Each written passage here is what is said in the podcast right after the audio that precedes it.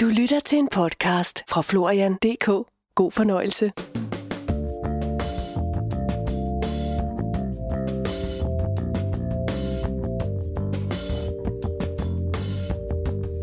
Jeg har oplevet øh, cancerknuder, øh, der forsvinder på ja, målbart et par dage. Jeg har oplevet hofteoperationer, der er blevet aflyst, fordi de ikke var øh, nødvendige længere efter få timer. Jeg har oplevet en lever, der begyndte at regenerere sig selv, lunger, der begynder at regenerere sig selv, smerter i en nakke eller en lænd eller et ben, der forsvinder næsten øjeblikkeligt. En piskesmældsfølelse, der har siddet fast i 8 år, den kan forsvinde på, i det her sidste tilfælde, jeg oplevede, det, den forsvandt på cirka 40 minutter. Der sad øh, kvinden, det drejede sig om en, en ung kvinde i 30'erne. Hun sad pludselig begyndte at vrikke med, med, med nakken og sagde, det er ligesom om jeg mangler noget. Og det var efter cirka 40 minutters tapning. Man siger, at sygdom er en hver mands herre. Men hvad hvis det nu er omvendt? Hvad hvis det nu er dig, som er herren, og sygdommen, som er din hjælper? Hvad hvis det, du mærker som sygdom, slet ikke er sygdom, men i virkeligheden den egentlige helbredelse? Måske er det slet ikke så farligt. Jeg har været i terapi. I sommeren 2017 besøgte jeg John Rosenkilde, der er metaterapeut. Han er til huse på Ærtebjerggård i det naturskønne hyldested Bjerge på Tursland, hvor jeg talte med ham under åben himmel og med vinden susende i træerne. John benytter sig blandt andet af tapping, der i den grad viser sig at være en yderst effektfuld behandlingsform. Heldigvis er jeg sund og rask, men oplevelser og traumer fra fortiden kan sætte sig som ubalancer i kroppen, hvis ikke der tages hånd om problemerne. Og skulle der være opstået sygdom, kan John også hjælpe med det. Velkommen til Metaterapeuten fra Erdbjerggård. Mit navn er Florian Fastina. Metamedicin er den originale betegnelse for en ny forståelse af, hvad sygdom og helbredelse egentlig er. Så metamedicin er udviklet som noget, der hedder Germanische Neue Medizin, af en tysk læge og professor for omkring 30 år siden, han startede, øh, Gert Hammer. Han har, så vidt jeg ved, ingen intentioner om at udbrede det som sådan, eller at udbrede det til benyttelse af hvem som helst. Så andre har brugt hans forskning, hans forskningsresultater, hans doktorafhandling øh, til at hjælpe mennesker så vidt muligt til at få det bedre. Og det system kom til at hedde metamedicin. Ordet medicin blev hele tiden misforstået. På engelsk der er medicine jo lægekunst, og det er også det, der er meningen med det. Men på dansk der betyder medicin noget andet. Så for eksempel, hvis man som metamediciner fortalte om det her på en sundhedsmesse, så kom som regel så, øh, Fødevarestyrelsen og sagde, må vi se, hvad det er, I putter i hovedet på folk. Og det var ikke lige det, der drejede sig om. Så man har simpelthen ændret ordet, fordi medicin har en anden betydning. Så nu hedder det metasundhed, metahealth. Og man ser helbredet på en anden måde, end man tidligere har gjort. Hvad er forskellen? Man kan grundlæggende sige, jeg finder sådan nogle one-liners. Dem er der mange af på Facebook, men de har som regel en årsag. En af dem det er, at sygdom er ikke sygdom. Sygdom, som vi opfatter det, er som regel vejen til helbredelse. Og det vil sige, når vi som regel, der kan være andre øh, for, forhold, der gør sig gældende, men som regel, når vi oplever os selv som syge, så har vi overstået sygdommen og er ved at reparere os selv tilbage til vores balance. Så kernen den er, at når vi tror, vi er syge og prøver at regulere vores sygdom, dæmpe vores ubehag, så stopper vi den egentlige helbredelse, som kroppen har brugt i mange millioner af år. Så kroppen har sin egen forståelse, sin egen mekanik, sin egen intelligens, og den bruger den med et eneste formål, at overleve. Så vores kodning som individer i millioner af år har været overlevelse. Det hedder også evolutionshistorien. Så evolutionshistorien er, at vi alle sammen har en adfærd, der gør, at vi overlever bedst muligt. Punkt 1, overlevelse. Punkt 2, videreføre slægten. Det er også overlevelse. Så det er vores primære funktionalitet i kroppen. Så den vil gøre, hvad den kan på enhver måde for at søge overlevelsen i det, den er i. Og det er det, vi nogle gange kan misforstå som sygdom, fordi det er ubehageligt. Det er jo logisk, at man opfatter det som, at man er syg, for det gør ondt, og man har øh, uforståelige hævelser i kroppen, eller hoster, eller noget andet. Problematikken er, at når vi prøver at stoppe de symptomer, som er tegn på helbredelsen, så stopper helbredelsen, og vi ryger i princippet tilbage i sygdomsfasen. Og der er mange, der siger, jamen jeg fik jo den her pille, og det hjalp da. Det er rigtigt, symptomet forsvandt, men sygdommen blev i princippet forværret, men var ikke synlig, før næste gang den brød ud. Og det er egentlig kernen i den forståelse, der hedder metamedicin, øh, metahealth eller metasundhed. Skal jeg lade mine sygdomssymptomer være? Skal jeg ignorere mine smerter? Skal jeg ignorere ubehag, ondt i maven, whatever? Nej, det skal jeg jo ikke. Det er jo klart, det vil være en fordel at hjælpe kroppen til at gøre sig selv stærk og rask så hurtigt som muligt, og det kan man gøre på forskellige måder. Så det kan jo være, at selvom naturen ved, hvad den gør, at den ikke har energi, at den ikke har kræfter til at gennemføre processen. Og der findes nyere energetiske forståelsesmetoder, som gør, at det kan foregå hurtigere. Primært via den nyeste cellebiologi fra Bruce Lipton, professor i cellebiologi fra, fra USA. Så man kan hjælpe øh, kroppen på vej nu. Og det var i princippet det, Rykke Gert Hammer ikke ønskede med sin Germanis Neue Medicin, fordi han sagde, kroppen kan jo selv. Vi skal ikke regulere på den, hverken til den ene eller den anden side. Rykke Gert Hammer havde selv en helbredelsesprocent på ca. 95 på sine cancerpatienter over 5 år. Det er nogle helt andre tal end dem, vi oplever i vores nuværende system. Hvad var det så, han gjorde med sine cancerpatienter? Han fortalte dem simpelthen, hvad det var, der var, der var ved at ske med deres krop. Han fortalte dem, at deres hævelser var kroppens måde at reparere og forstærke sig selv på. Og han fortalte det på en måde og med en indsigt, en klar, regulær, fysiologisk indsigt, så det gav mening. Det oplever jeg rigtig mange gange, når jeg holder foredrag om det. Nemlig at folk siger bagefter, jamen det giver jo fuldstændig mening. Det er jo logik for perlehøns. Og det vil sige, når man kan få den følelse af, hold da op, det kan være, det er omvendt. Og så styrer ens sind og krop i en anden retning. En meget kort pangsætning, one-liner, der også øh, kendes fra Bruce Lipton for øvrigt, det er, at tankerne styrer vores biologi. Det vil sige, at Bruce Lipton har fysiologisk øh, øh, afdækket, at det vi i gamle dage kaldte øh, psykosomatiske sygdomme, er til stede altid. Så alle typer sygdomme, ikke nødvendigvis noget at falder og brækker et ben, men alle typer sygdomme er øh, psykisk betinget, er tankemæssigt betinget, reguleret af, hvordan føler jeg, min situation er. Er jeg i fare, eller er jeg ikke i fare? Og så regulerer kroppen ind efter, hvad tankerne fortæller den er rigtigt. Så det du siger også er, at vi har alle sammen cancer i kroppen? Øh, jeg vil referere til udtalelser, jeg har hørt fra heilpraktikere, tyske naturlæger, der jo afdækker årsagstilstande i kroppen frem for at dæmpe symptomerne. Det kan de også gøre, men de afdækker årsagen først. Og prøver at rense kroppen ud og genopbygge den. Og blandt andet så siger man inden for heilpraktikerkredse, at kroppen reparerer sig selv hver nat. Det er derfor, vi bliver lagt til at sove, så vi ikke bruger energi på så meget andet, mens kroppen udrenser og genopbygger sig selv. Blandt andet kasserer kroppen cirka 3 milliarder celler hver nat og genopbygger 3 milliarder celler hver nat. Og det jeg hørte, det var, at de 3 milliarder celler, som kroppen kasserer og udrenser hver nat, er minimum 1% aktive cancerceller i alle personer hele livet hver nat. Men det er jo ikke alle, der får cancer. Nej. Så spørgsmålet, om man får en sygdom i udbrud eller ej, er en energetisk forståelse af, hvad kan vores sind og vores krop kapere med den energi, der er til stede, der er til rådighed. Jeg plejer at bruge sådan nogle simple metaforer som køretøjer, biler, for at forklare, hvad er mekanikken ind i det her. Det, der er afdækket, og det startede med Einstein og Bohr øh, og Tesla, det er, at kroppen er en elektrisk maskine. Vores fysiologiske krop er en elektrisk maskine, der kører på elektrisk energi. Og samtlige vores celler producerer strøm hele tiden, ud fra den mængde ilt, de får ind. Så når kroppen indtager ilt, så fordeles ilten i samtlige vores celler via blodet, og cellerne bruger ilten i deres indbyggede kraftværk, en mitokondrie, til at lave strøm. Og så bruger øh, cellen selv den strøm, den skal bruge for at overleve. Alle cellerne i vores krop er selvstændige individer, og så sender de resten ud i det sociale samfund, i systemet, så vi kan bevæge os og fungere og løbe og spise og hvad vi nu ellers skal gøre. Så kroppen er, kroppens energikilde, dens brændstof, er ganske enkelt strøm som vi kan kalde energi. Så kroppen er bygget til, at vi skal kunne fungere i det her liv, komme igennem livet, uden at spekulere for meget på, hvad vi laver nede i maskinrummet. Og det kan kroppen altså selv, uden vi lægger mærke til det.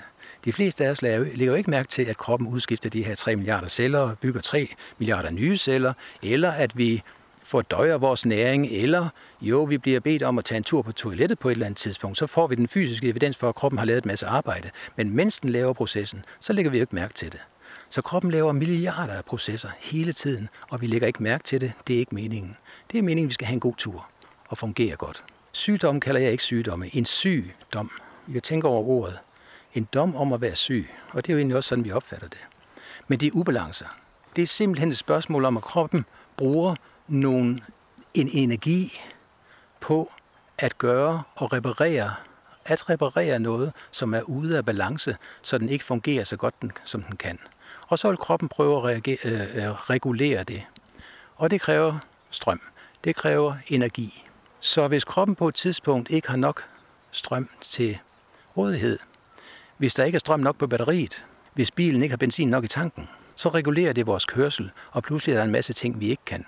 Så når vi har symptomer på sygdomme, jeg vil gerne fravælge at brække et ben eller noget andet, eller skære sig i fingeren. Når vi oplever sygdomme, er det fordi kroppen ikke længere har strøm nok til at køre den funktionalitet, der skal til, for at vi fungerer upåklageligt og har det godt. Og så begynder vi at opleve symptomer, der ikke er rare, fordi visse funktioner i kroppen er nedprioriteret. Kroppen vil altid opprioritere det, der hedder overlevelse. Den vil altid prioritere de organer, som er vores overlevelsesorganer, som styres af hjernestammen, kryptohjernen. Og det er nyre, hjerte, lev og hjerne osv. Det er de organer, der skal til for, at vi kan fungere. Men der er masser af andre organer, der ikke afgør, om vi lever eller dør. Et muskelvæv, en sene, en knogle. Så der bliver nedsat energimængde i de dele, som ikke er overlevelsesdele, og det kan optræde som sygdom, som smerte. Og det er derfor, vi oplever sygdom. Det er, når tilstanden er så kraftig, at den ikke kan undertrykkes af systemet, at det ikke kan klare det selv. Og når vi bliver syge, så kan vi blive trætte, og vi kan synes, det er ubehageligt, og vi bliver stoppet i det, vi er i gang med. Og det er jo egentlig budskabet. Læg dig ned og prøv at få det her ordnet, inden du går videre. Og det er også derfor, vi kan mærke det. Hvis jeg brækker et ben, så vil mit ben også fortælle mig, at du skal ikke løbe mere. Du skal ligge dig ned og vente på, at det går over. Og det er det samme med alle andre sygdomme. Der er stor forskel på cancer og et brækket ben, eller fysiske smerter i bevægeapparatet, som jeg kalder det. Det føles meget forskelligt og opleves meget forskelligt, og det er forskellige ting, der sker. Men i bund og grund er det en mekanisk proces, som, og nu skal jeg meget kraftigt lige igennem en gang til, som i princippet er den samme i, samme, i alle typer såkaldte sygdomme. Der foregår den samme proces i kroppen dybest nede, som prøver at balancere og reparere det, der sker. Uanset om jeg har fået at vide, at jeg har en øh, cancer i min lunge, eller at jeg har forstrukket en sene i mit ben. Kroppen vil hele tiden prøve at regulere det, og det gør den ved at regulere øh, aktiviteten i området. Hvis jeg har en infektion, så vil der opstå en højere aktivitet i området for at rense den infektion ud. Hvis jeg har øh, sprunget nogle muskelceller i en træningslokale, så gør det ikke af, mens jeg springer muskler, muskelcellerne. Det går af, når kroppen genopbygger de nye muskelceller og for øvrigt sætter flere muskelceller ind, fordi nu skal jeg være stærkere til næste gang. Så det er reparationen af muskelcellerne, vi kan mærke som smerte. Det er også derfor, vi kan mærke, hvis vi har været til træning, så gør det ondt dagen efter. Det gør ikke ondt, mens vi er til træningen. Og det er kroppen, der reparerer sig selv. Og det gør den med opsvulmning af væske. Væske er vores transportmiddel i kroppen. Så alle de her celler, alle de her materialer, som skal genopbygge kroppen, de skal hen til byggepladsen via væske. Og det svulmer op, og det trykker på nervesystemet. Og så kan vi mærke det. Også øh, bortskaffelse af, af, af affaldet fra byggepladsen. Og det har vi så ikke blodbanen til. Der har vi lymfesystemet, som er vores øh, kloakrør. Det er der, vi kommer af med affald, for det skal blodet jo ikke belastes af. Så er den samme mekanisme til stede. Vi oplever et svind af celler af en eller anden årsag, og en tilvækst af celler af en eller anden årsag. Og det er dybest set meget firkantet det samme mekanisme, der går igen i alle typer sygdomme. Der er henholdsvis et svind af celler og en tilvækst af celler, afhængig af, hvad funktionaliteten er. Så en cancer forklares inden for metasundhed, metahealth, som en reparation af en tilstand, der skal tilbage til normalen. Og nogle gange skal tilstanden have et cellesvind for at komme tilbage til normalen, og nogle gange skal det have en celletilvækst for at komme tilbage til normalen, eller for at styrke sin funktionalitet. Ofte hvis vi har en diagnose med levercancer, så er det fordi leveren pludselig har fået nogle opgaver, som gør, at den skal arbejde meget hårdt, for at vi bedre overlever. Og så sker der en celletilvækst i leveren, og så kan man kalde den godartet eller ondartet. Og der skal jeg så ikke sige, hvad det er, man skældner mellem i det naturvidenskabelige lægesystem. Men i hvert fald er det et spørgsmål om, når der er en celletilvækst, så er det fordi kroppen prøver at hjælpe funktionaliteten med at komme tilbage til godt helbred, til balancen, ved at sende nogle ekstra medarbejdere derned. Og det er funktionaliteten i det. Det gør jo også, som jeg sidder og lytter her, og sikkert også mange andre, at man, vi, bliver, vi er lige pludselig ikke så bange for sygdommen, som vi har været, hvis vi, hvis vi synes, det her det giver mening. Ja, fuldstændig. Det helt store bonus ved det her, og årsagen til, at jeg gerne vil fortælle om det, det er, at der forsvinder en masse angst. Lige pludselig er det ikke helt så farligt. Lige pludselig er det måske slet ikke farligt. Skal man gøre noget ved det? Skal man reagere på det? Ja, naturligvis skal man gøre det bedst, man kan med den viden, man har. Men grundlaget det er, at angsten forsvinder. Og når jeg har en smerte, og jeg ved, det er ikke fordi, jeg er ved at blive mere syg, det er fordi, jeg er ved at blive rask, så ændrer den smerte sig. Og pludselig er den smerte ikke så slem, og min dødsangst forsvinder, og andre ting. Og det vil sige, at det er en positiv følelse, en positiv proces, der er i gang. Og så er det, min psykosomatiske tilstand, den ændres. Lige pludselig så ved jeg, at det er godt, det der sker, selvom det gør ondt. Og så føles det ikke slemt længere. Så den helt store bonus ved det her system, det er, at man pludselig finder ud af, at det ikke er farligt. Og så kan man reagere på en helt anden måde og få et meget større overskud.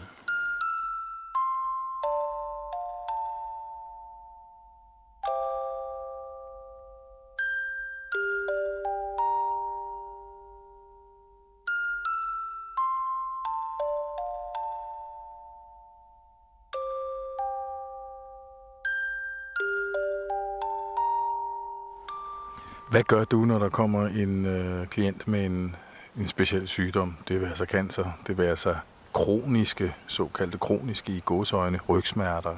Øhm, det første, jeg vil gøre, det er at lave, og det er det, jeg har lært på uddannelsen, lave en metasundhedsanalyse.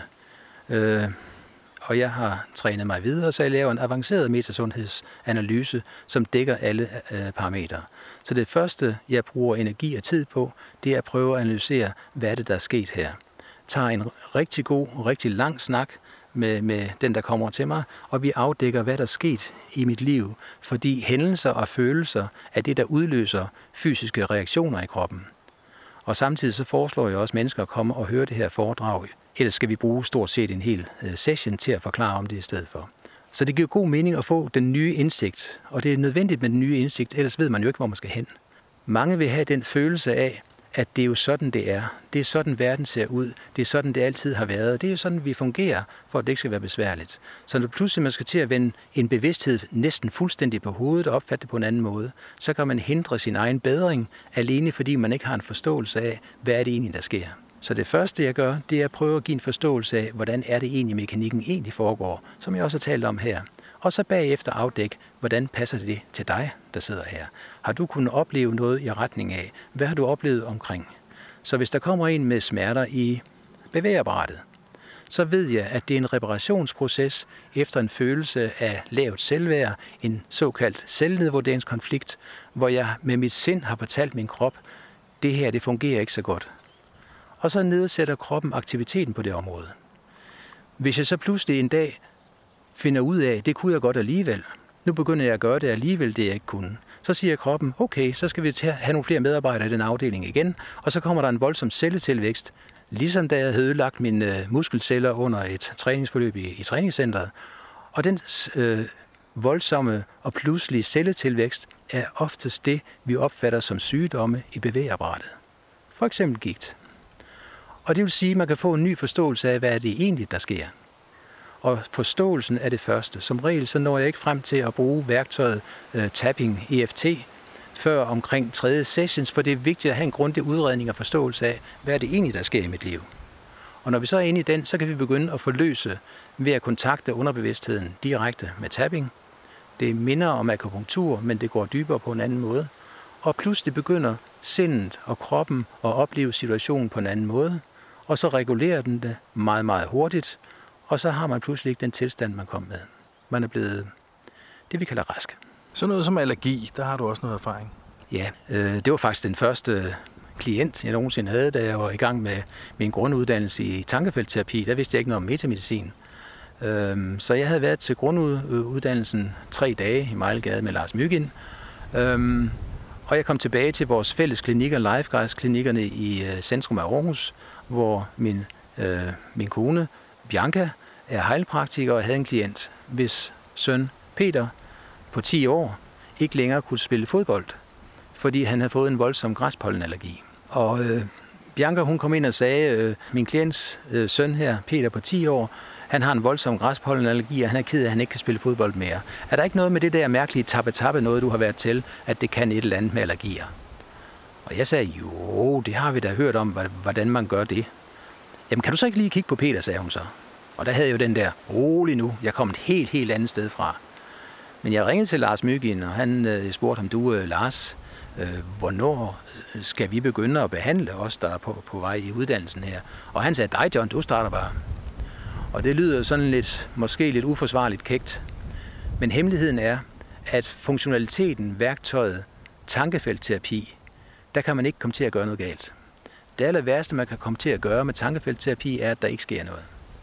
Og derfor er den forholdsvis sikker. Der findes ikke såkaldte bivirkninger. Så jeg tog mig sammen og trak vejret dybt, og så gik jeg ind til Peter og hans mor, og vi tog en session. Og det jeg vidste dengang, det var, at tilstanden, i det her tilfælde allergien, vil optræde på et tidspunkt, hvor der opstår et følelsesmæssigt voldsomt chok, som sætter hele kroppen i alarmberedskab af en eller anden grund. Så jeg spurgte ind, som vi gør, øh, hvornår oplevede du det her første gang? Og det kunne Peter ikke rigtig huske, men det kunne hans mor. Jamen, det var cirka tre år siden. Okay. Øh, skete der noget særligt? Jeg leder efter det her øh, konfliktchok. Skete der noget særligt for tre år siden? Nej, det synes de jo ikke rigtigt. Det var gået meget, som det plejer at gøre. Der havde ikke været nogen voldsomme oplevelser af nogen art. Og jeg gravede lidt i det, men skete der slet ikke noget, der er anderledes, end I plejer for tre år siden? Nø, det gjorde der egentlig. Jo, vi flyttede fra København til Aarhus, men ellers var der ikke sket noget. Og så tænkte jeg lidt, okay, så hvad er det for en oplevelse, Peter har, når han flytter fra København til Aarhus? Så jeg tænkte først på det sociale. Det sociale er det vigtigste aspekt. Så jeg spurgte Peter, hvordan var det at flytte til Aarhus? Nå, det var da meget godt. Okay. Har du fået nogle gode venner i Aarhus? Ja, ja, det, det er fint. Okay. Havde du nogle gode venner i København?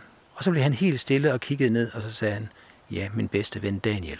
Så Peter havde oplevet et separation, en voldsom separation fra sin bedste ven. Og Peter vidste jo godt, at han skulle flytte fra København. Men i en alder af 7-8 år, så, så danner det ikke den helt store bevidsthed. Det er noget, der sker på et eller andet tidspunkt. Så det øjeblik, hvor det gik op for Peter, at han skulle flytte fra København, det var den sidste dag, inden de skulle flytte, hvor han stod på fodboldbanen sammen med Daniel. Der gik det et splitsekund op for hele hans organisme. Jeg skal ikke se Daniel mere. Og der kom chokket. Og når vores krop oplever et voldsomt chok, og den er kodet til at overleve, så siger den, nu skal vi godt nok lige finde ud af, hvad var det, der gik galt her? Hvad er det, der piner mig? Hvad er det, der gør mig ked af det? Hvad er det, der gør mig bange? Hvad er det, der er farligt? Og så scanner kroppen, hvad er der her i nærheden? Hvad er der i mig, som ikke plejer at være her? Og så scanner kroppen, at der findes græspollen i min næse. Og så koder kroppen, okay, græspollen er farlig. De gør mig bange og, og ked af det og alt muligt andet. Græspollen skal jeg passe på i fremtiden. Så det vil sige, at hver gang Peter kom i nærheden af græspollen, så reagerede hans krop voldsomt med fight-flight-reaktion, flugt-kamp-reaktion.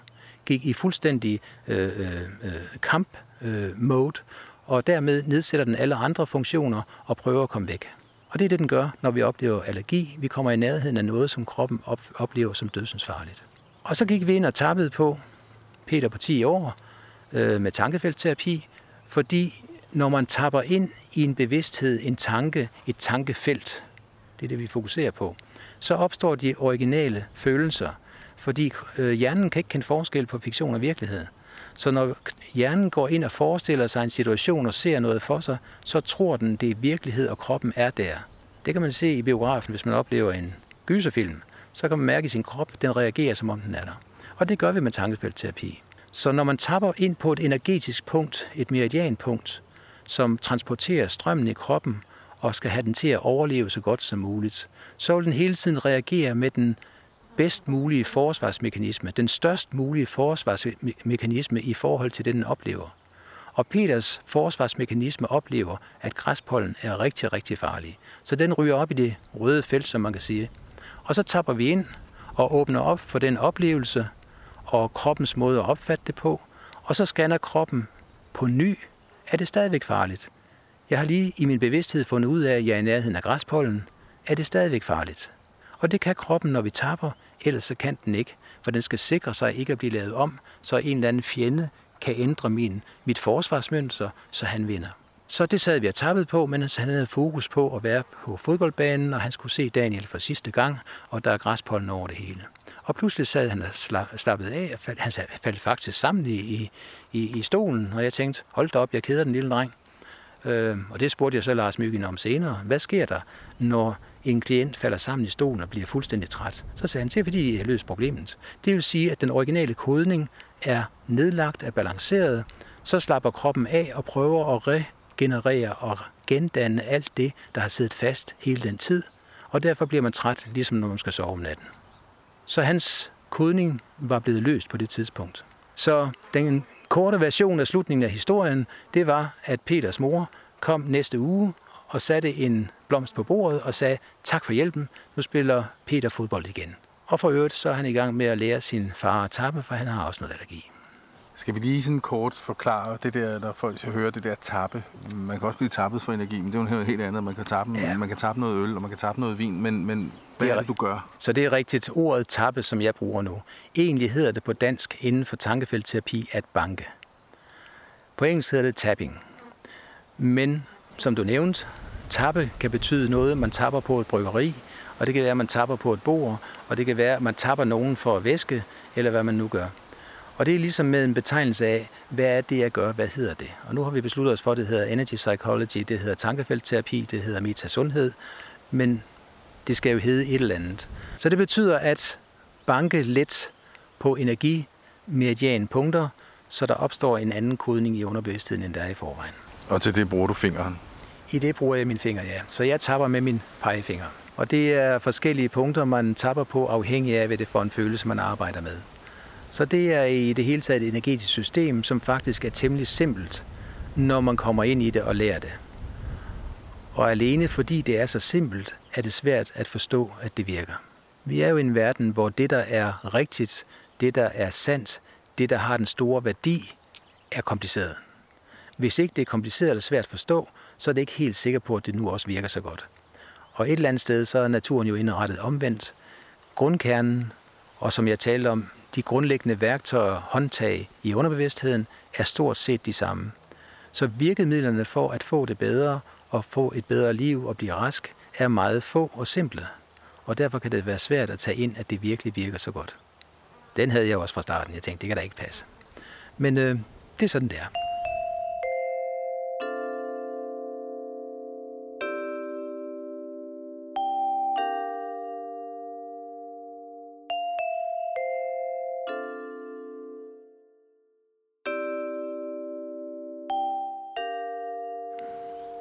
Lad det ikke være nogen hemmelighed, at øh, jeg har kendt dig i 25 år. Men dengang jeg mødte dig første gang, John, der var det jo et helt andet sted, både du og jeg var. Siden har jeg hørt dig omtalt som en af de dygtigste, vi har herhjemme inden for øh, den her viden.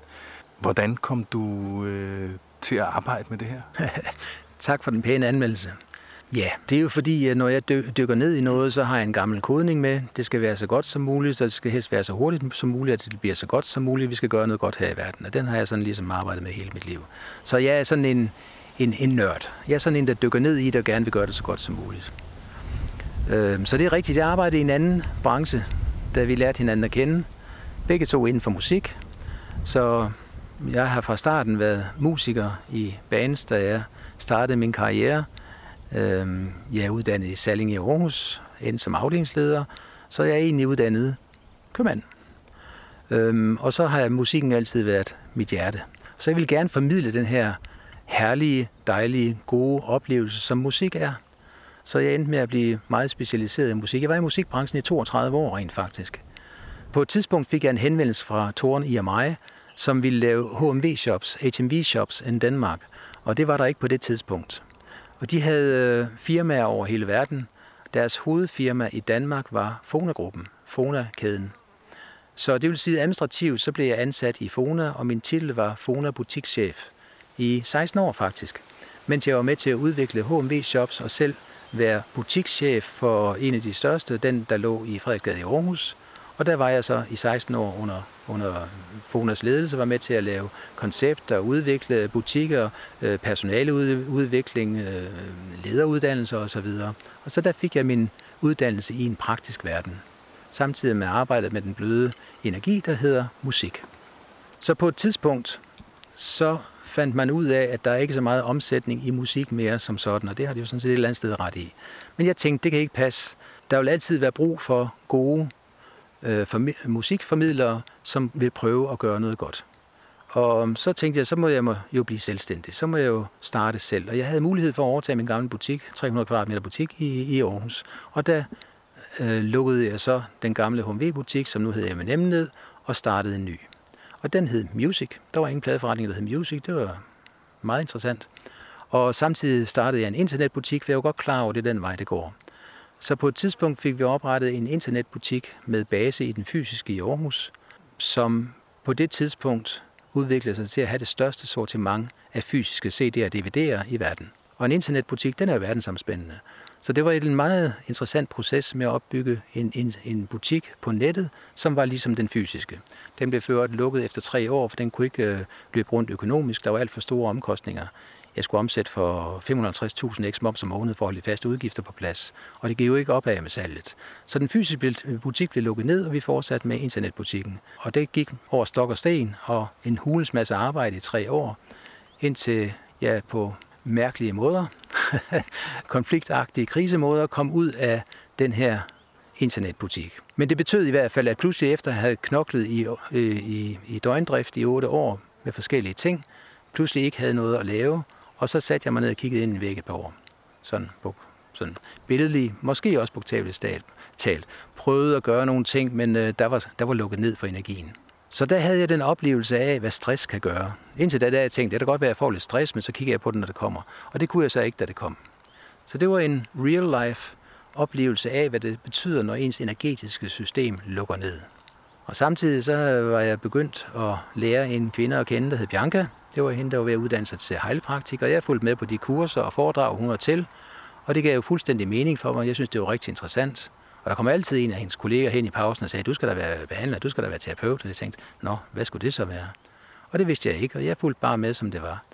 Indtil en dag, jeg hørte Lars Myggen på slap line på scenen i Musikhuset i Aarhus fortælle om tankefeltterapi. Og der sad jeg sådan lidt og lurede bagefter og tænkte, enten så, enten så kan det her noget, eller også så er det årets største fupnummer. Øhm, så jeg tænkte, det må jeg, det må jeg sgu heller lige undersøge. Og det gjorde jeg jo ikke, som jeg havde det på det tidspunkt. Jeg har ikke jeg gjort det i dag. Øhm, så det gjorde jeg ikke. Et halvt år efter, så optrådte han med det samme, fortalte om det samme, viste det samme, en udsendelse med Cecilia Bæk som øh, vært på tv, og hjalp hende med en voldsom æderkoppeskræk og en anden med højdeskræk. Og jeg tænkte, ah, jeg skulle have gjort det.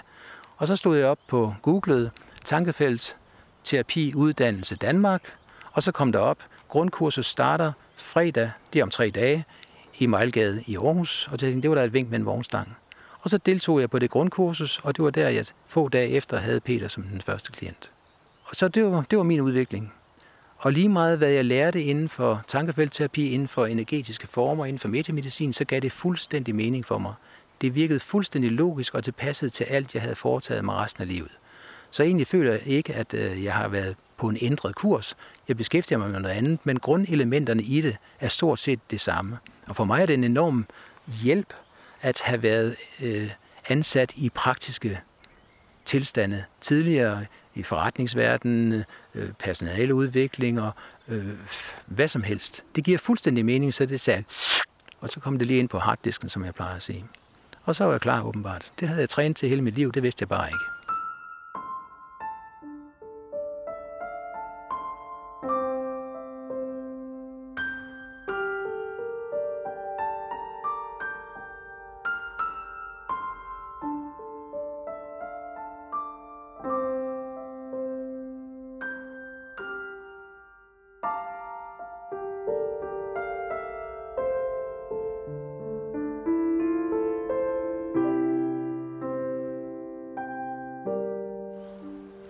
Liv, der får vi jo forskellige hug og stød, og de kan jo sætte sig som traumer. Man siger, at tiden lærer alle sår, men øh, er det, gør den nu også det? Altså kroppen er jo kodet til at sørge for overlevelse. Og det vil sige, at noget, som vi har i os, som sidder fast af en eller anden art, som ikke kan løses, som ikke kan fjernes, så vil kroppen prøve at dæmpe bevidstheden omkring det, så man ikke lægger mærke til det. Og det vi taler om her, det er jo typisk symptomer af forskellige slags. Så kroppen kan faktisk dæmpe forskellige øh, funktioner, øh, og vores opfattelse af dem, vores smerte, vores følelser omkring dem, så vi ikke lægger mærke til dem, så vi kan fungere i en dagligdag. Og derfor vil kroppen neddrosle øh, følelser og fokus og energi og tanker på noget, som vi ikke kan løse alligevel. Det er en temmelig smart funktion. Det er meget sjovt. Hvis vi oplever noget voldsomt i livet, øh, så vil det gemmes væk af vores erindring, mens vi husker de gode ting. Og det er for, at vi kan have et godt liv, øh, er energetiske og er glade. Men kroppen laver de her kodninger, som jo er forsvarskodninger. De kodninger, der opstår ved et chok, det gør, at jeg gør noget andet næste gang. Det er det, kroppen prøver at få mig til. Min overlevelse er min adfærd. Det jeg gør, det jeg tænker. Det er ikke min biologi. Den skal selvfølgelig også helst være i orden. Og den bliver reguleret via gener og DNA. Hvordan fungerer jeg lige? Men årsagen til, at gener og DNA tændes og slukkes og reagerer, som de gør, det er vores underbevidste forsvarskodninger, der styrer vores adfærd. Så gener og DNA justerer sig hele tiden efter det miljø, vi er i, det der omgiver os, det vi oplever primært, mens vores adfærd altid skal være den samme hver gang, for ellers risikerer vi at komme galt sted. Så en kode, jeg plejer at, at nævne, meget nem og lille uskyldig kode, det er en, jeg har lært. Den er jeg ikke født med. Men det er at kigge til venstre, inden jeg går over vejen den skal ind som en ubetinget vane. For hvis jeg skal spekulere på, om jeg skal kigge til venstre hver gang jeg går over gaden, så kommer jeg til at undgå at gøre det. På et eller andet tidspunkt, så bliver jeg kørt ned. Så det er en vaneadfærd. Når jeg kommer til en vej, så kigger jeg til venstre. En anden vane, det kunne være at lære at køre på cykel. Eller børste tænder. Det var vi heller ikke født med. Men stort set alle de hensigtsmæssige adfærdsvaner for, at vi kan overleve, der har været i evolutionshistorien, dem bliver vi rent faktisk født med. Dem, der er nyere, skal vi lære af vores forældre i de første seks leveår. Så hvis jeg har fået pludselig et chok, noget, der sætter sig fast, så vil jeg opleve, ligesom med øh, allergien før, at der er noget, der er farligt. Og så skal jeg reagere på det, og det kan kun gå for langsomt. Og det er de kodninger, der sætter sig fast, som min krop og mit sind reagerer voldsomt og kraftigt, når jeg kommer i en bestemt situation. Og det er en overlevelsesadfærdskode, så jeg gør det rigtigt, at jeg enten kæmper eller løber væk meget hurtigt, eller gemmer mig og håber på, at der ingen, der ser mig. Så de kodninger kan man afdække i alle former for tale, tanke, adfærd og se, hvor kommer den fra, hvad er funktionaliteten i den, og dermed kan man afdække, hvad ligger bagved, hvordan reagerer kroppen, hvordan reagerer psyken, og hvordan kan vi øh, eventuelt balancere det, dæmpe det, så kroppen ikke behøver at være bange for det mere fordi det er jo overstået. Så den tilgangsvinkel er for eksempel meget, meget effektiv over sådan noget som PTSD. Så jeg har arbejdet med mange veteransoldater, øh, så deres kodningssystem er jo, at der hvor de er, når de er udsendt, der skal de have en bestemt adfærdskodning, der bare fungerer øjeblikkeligt per refleks. De skal være overvågne, de skal være øh, vagtsomme, de skal være mistroiske, øh, de skal være rigtig mange ting som ikke passer til vores normale, civile, fredelige samfund. Så de skal sidde fast som faste koder, ellers kan de ikke gøre det, de gør ordentligt og overleve det, de er i. Når de så kommer hjem til deres fredelige Danmark, så passer de energier, der er omkring dem. Vi bliver hele tiden bombarderet med forskellige former for påvirkning energetisk. Øhm, så passer de ikke til den energetiske kodning, de selv har. Og så kan de ikke være til stede i det sted, de er i. De som, jeg plejer at sige, en, en hund i spil kejler. Der er ikke nogen ro, der er ikke sikkerhed nogen som helst steder, og deres alarmsystem er hele tiden på overarbejde. Og det er det, vi kender som PTSD, når vi har oplevet noget voldsomt. Og de kodninger, de kan dæmpes, de kan reguleres, de kan balanceres i forhold til, at vi sætter hjernen til at forestille sig, at den er i situationen igen, mens vi tapper på udvalgte energetiske punkter med medianpunkter. Og så er det, at kroppen har en mulighed for at revurdere risikofaktoren i den her situation, mens vi i princippet sidder og spiller vores egen film. Og det bliver virkeligheden for hjernen og dermed for kroppen. Og på den måde kan man dæmpe tilstanden som for eksempel PTSD meget, meget hurtigt. Når man er inde og har afdækket det, som jeg sagde, med en, en, en, en avanceret analyse, og snakket rigtig godt med klienten, og vi, vi ved, hvor vi er på vej hen, og vi er det samme sted, og, og, og der er en god harmoni omkring det, så går vi ind i den og begynder at tappe på den, og så vil tilstanden typisk blive afhjulpet, hvis vi tager en separat målrettet ting. Den bliver afhjulpet i løbet af få minutter. Så det vil sige, at en smerte, man har haft meget længe, en angst, man har haft meget længe, kan rent faktisk blive annulleret i løbet af få minutter. Ofte siger man, at hvis man er igennem en tankefeldsession og har, har fundet ind til kerneårsagen, så vil enhver form for træthed, ubehag, et eller andet, der sker, når kroppen begynder lige pludselig at reparere alt det, der er siddet fast så længe, det vil maks vare et par timer. Og det har jeg oplevet rigtig, rigtig mange gange. Jeg har oplevet øh, cancerknuder, øh, der forsvinder på ja, målbart et par dage. Jeg har oplevet hofteoperationer, der har blevet aflyst, fordi de ikke var øh, nødvendige længere efter få timer. Jeg har oplevet en lever, der begyndte at regenerere sig selv, lunger, der begynder at regenerere sig selv, smerter i en nakke eller en lænd eller et ben, der forsvinder næsten øjeblikkeligt. En piskesmældsfølelse, der har siddet fast i 8 år, den kan forsvinde på, i det her sidste tilfælde, jeg oplevede, det, den forsvandt på cirka 40 minutter. Der sad øh, kvinden, det drejede sig om en, en ung kvinde i 30'erne, hun sad pludselig begyndte at vrikke med, med, med nakken og sagde, det er ligesom om jeg mangler noget. Og det var efter cirka 40 minutters tapning.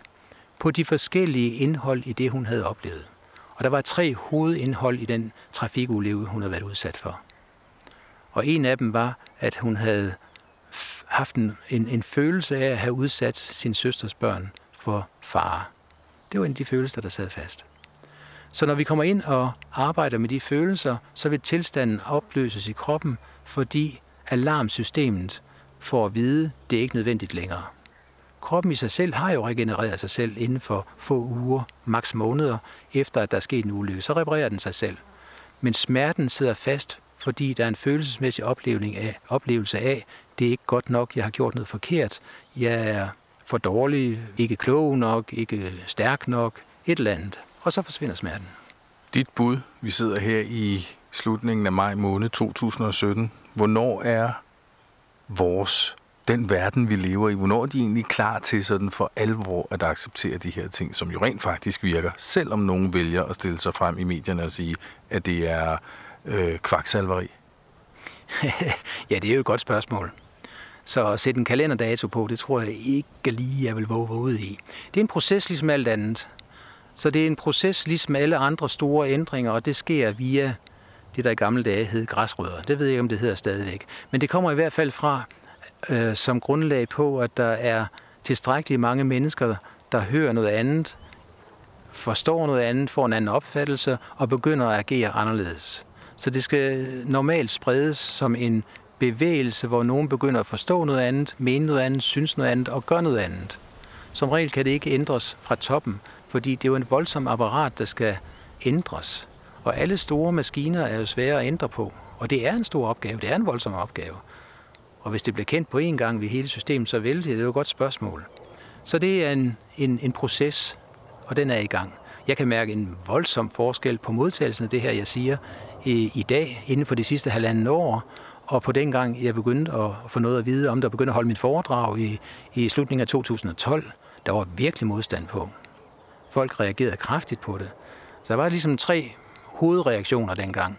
Og det var, enten blev mennesker rigtig, rigtig kede af det, eller også blev de rigtig, rigtig vrede, og det var der nogen, der blev, men de fleste blev rigtig, rigtig glade. Så man skal lige have den nye forståelse ind. Altså det er jo en supertanker, der skal, skal ændre øh, kurs. Det er en bevidsthed, der har siddet i mange hundrede år, som pludselig skal revurderes. Og det er en stor proces. Øh, men den er på vej, kan jeg mærke. Og så er der mange forskellige, øh, øh der er mange forskellige værdier i vores verden, hvis vi skal sige det på den måde. Vi lever i en struktureret verden, i, en, i et system, der er grundlagt på nogle værdier, som vi gerne vil opretholde. Så hvis der kommer noget ind, som kan modvirke de værdier eller gøre dem tvivlsomme, så er det jo en svær proces at gå i gang med. Og der er også den økonomiske side af sagen, og det er jo, at Mm, vi ligger i en forretningsverden, og det vil sige, at alt bliver gjort op i, om det giver penge eller det ikke giver penge. Er der økonomi i det, eller er der ikke økonomi i det? Og man kan sige, at hvis det, jeg fortæller om her, bliver implementeret, så er der jo rigtig, rigtig mange mennesker, der ikke lige pludselig ikke er så syge mere. Og hvis de har nogle dårligdomme, så kan de rent faktisk lære det her selv. Efter et grundforløb på fem gange, så kan jeg sige, at de fleste vil opleve, at de er deres egen tankefeltterapeut. Så man kan begynde at bruge nogle ting og en indsigt, som gør, at man ikke længere er så syg. Og så kan man jo så sige, jamen så er der en masse mennesker, der måske ikke har det samme type arbejde, og der er en omsætning, der ikke bliver øh, lavet. Det kunne være medicin og andre ting. Og derfor er der jo både øh, goodwill omkring det, noget man gerne vil hen til, noget man gerne vil opleve, og en masse modstand imod det, for der er nogen, der føler, at det ikke er rart for mig. Og det er jo sådan, vi er indrettet. Vi er indrettet som overlevelsesmaskiner. Så vil vi alle sammen gøre det, der umiddelbart er bedst for os, der hvor vi sidder. Vi har lært fra starten, at vi skal ikke sæve den gren over, vi selv sidder på. Det er ikke vores overlevelse. Så alle vil prøve spontant, der hvor de er hele tiden, at reagere. Ikke bevidst. Den vågne hjerne, den vil tænke nogle andre tanker, men vores underbevidsthed, den vil få os i den retning, vi er vant til at gå. Og derfor kan det være en, en lang proces. Så spørgsmålet er jo om, hvornår bliver det ændret? Hvad ændrer det sig til? Det er et godt spørgsmål. Det er det, man kalder fremtiden. Og jeg har hørt, den er svær at spå om. Så jeg er da spændt på at se, hvad der sker.